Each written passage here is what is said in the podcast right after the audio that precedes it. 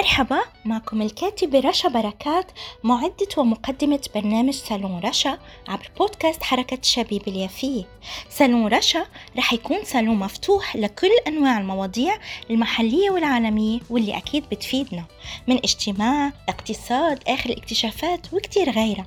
اسمعونا على منصات التواصل الاجتماعي والتطبيقات Spotify Podbean Google Apple طبعا على الفيسبوك بصفحة بودكاست حركة الشبيب اليافية وصفحة حركة الشبيب اليافية سنو رشا. أهلا وسهلا بمستمعي ومتابعي ومحبي بودكاست حركة الشبيبة اليافية أما حلقتي لليوم بصالوني صالون رشا فهي عن الملعقة والشوكة والسكين. طبعا أنا هلأ بدي أتوجه للصغار وللكبار لنعرف كلنا سوا عن تاريخ السكين والشوكة والملعقة. طبعا الصالون ما بيخلى من الإتيكيت ولكن اليوم الإتيكيت عم تبلش معنا باستعمالنا للسكين والشوكة والملعقة. خلينا نكتشف عنهم وعن تاريخهم شوي شوي. السكين لو تيسرت لأحد أجدادنا في القرون الوسطى سكين عادية من سكاكين المائدة التي نستعملها اليوم أو سكين من سكاكين المطبخ ذات الشفرة الحادة المسنونة والمقبض المتين لاعتبر ذلك هبة من أثمن الهبات. السكاكين الأولى كانت حجارة، فقد لاحظ الإنسان بطريق الصدفة أن لشظايا حجارة الصوان حروفا قاطعة فاستعمل حرف تلك الحجارة القاطع سكينا طوال خمسمائة ألف سنة. كان الإنسان يبري وجهي الحجر بضربات خفيفة دقيقة ولكن كان يصعب عليه تحديد حرف الأداة التي كان يحصل عليها. ولم يتمكن الإنسان من صقل سكاكين الصوان ليصنع منها أدوات دقيقة حادة صالحة أحيانا حتى للحلاقة إلا في العالم الغربي وفي القرن العاشر قبل الميلاد. مع عصر البرونز ثم مع عصر الحديد أخذت السكين شيئا فشيئا شكلا قريبا من الشكل الذي لها اليوم. طبعا نحن منعرف أدوات المائدة ولكن ما منعرف عن تاريخهم. خلينا بعد نكتشف أكثر عن السكين. ولكن ظل فيها كل من الشفرة والمقبض قطعة معدنية واحدة.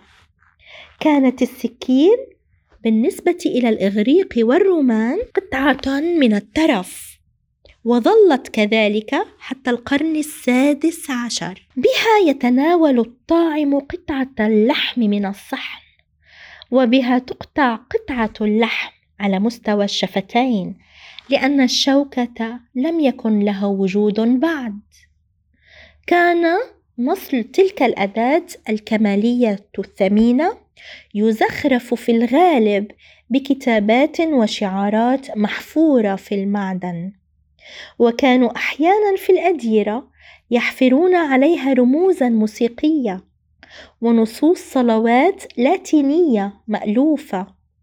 وكان المقبض يحمل أحيانا شعار مالكها وحروف اسمه الأولى. وفي أثناء السفر كانت السكين على متناول اليد في غمد يتدلى من سير الخاصرة.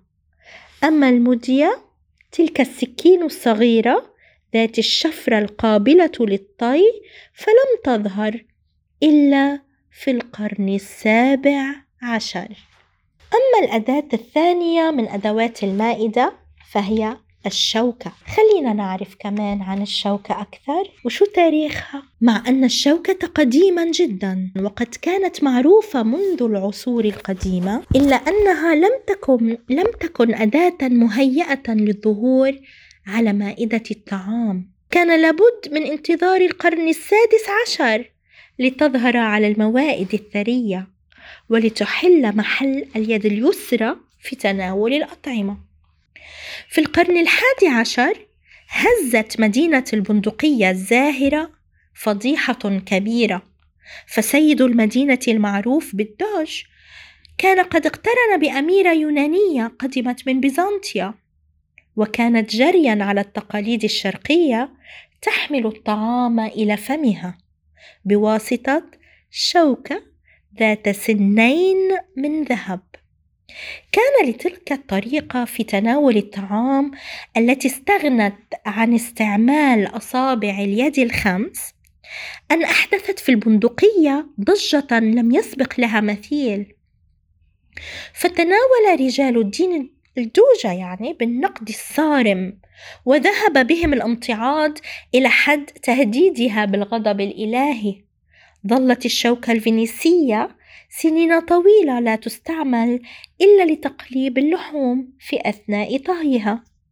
وكانت بفضل سنيها تسمح بشي الأطعمة فوق النار يعني بالشوي بشوي الأطعمة بشي الأطعمة فوق النار على طريقة ما نفعل اليوم فوق جمر المناقل. عندما أقام ملك فرنسا هنري الثالث في مدينة البندقية عام 1574 وجد استعمال الشوكة وكان أخيرا قد قبل وشاع في مجتمع الخاصة أمرا عمليا وشاء نقله إلى البلاط الفرنسي فشهر النبلاء والبرجوازيون بدورهم بالفضيحة. كانت شوكة المائدة المصنوعة من الفضة وحتى من الذهب أو البلور كأية جوهرة ثمينة تشكل مع الملعقة والسكين عدة للمائدة تحفظ في غمد يحمله المدعو بكثير من الزهو. غالبا ما كانت الشوكة قابلة للطي تدخل أسنانها في مقبضها. وما لبث استعمال الشوكة ذات السنين ثم الأسنان الثلاث أو الأربع أن شاع شيئا فشيئا فعم أوروبا الغربية بكاملها. الملعقة. وهي الأداة الثالثة من أدوات المائدة.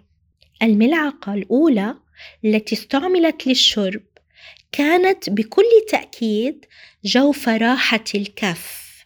ومما لا شك فيه أن الأصداف وقطعا من لحاء الشجر استعملت فيما بعد كملاعق بدائية. فكان لابد من انتظار القرون الوسطى لرؤية الملعقة وهي أشبه ما تكون بصدفة ممددة بمقبض تظهر على مائدة الطعام. كان العطارون من المصريين يستعملون ملاعق من الخزف كأدوات تخلط فيها مساحيق التجميل. جهل الإغريق والرومان ملعقة المائدة فما عرفوا غير ملاعق الطبخ الكبيرة التي تستعمل في تحريك المرق.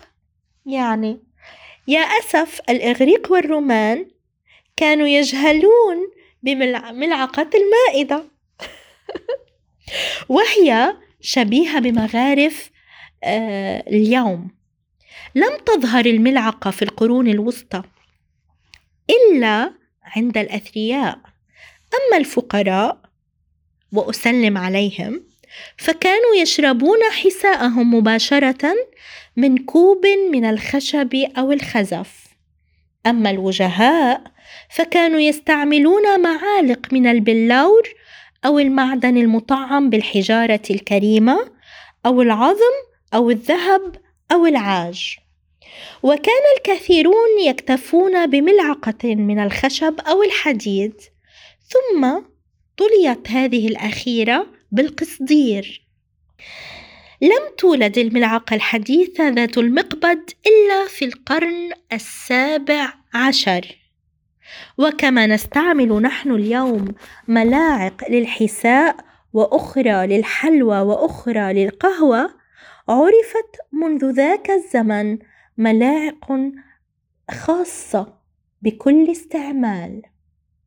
وعرفت بالأخص ملاعق خاصة بتذوق البيض والأصداف.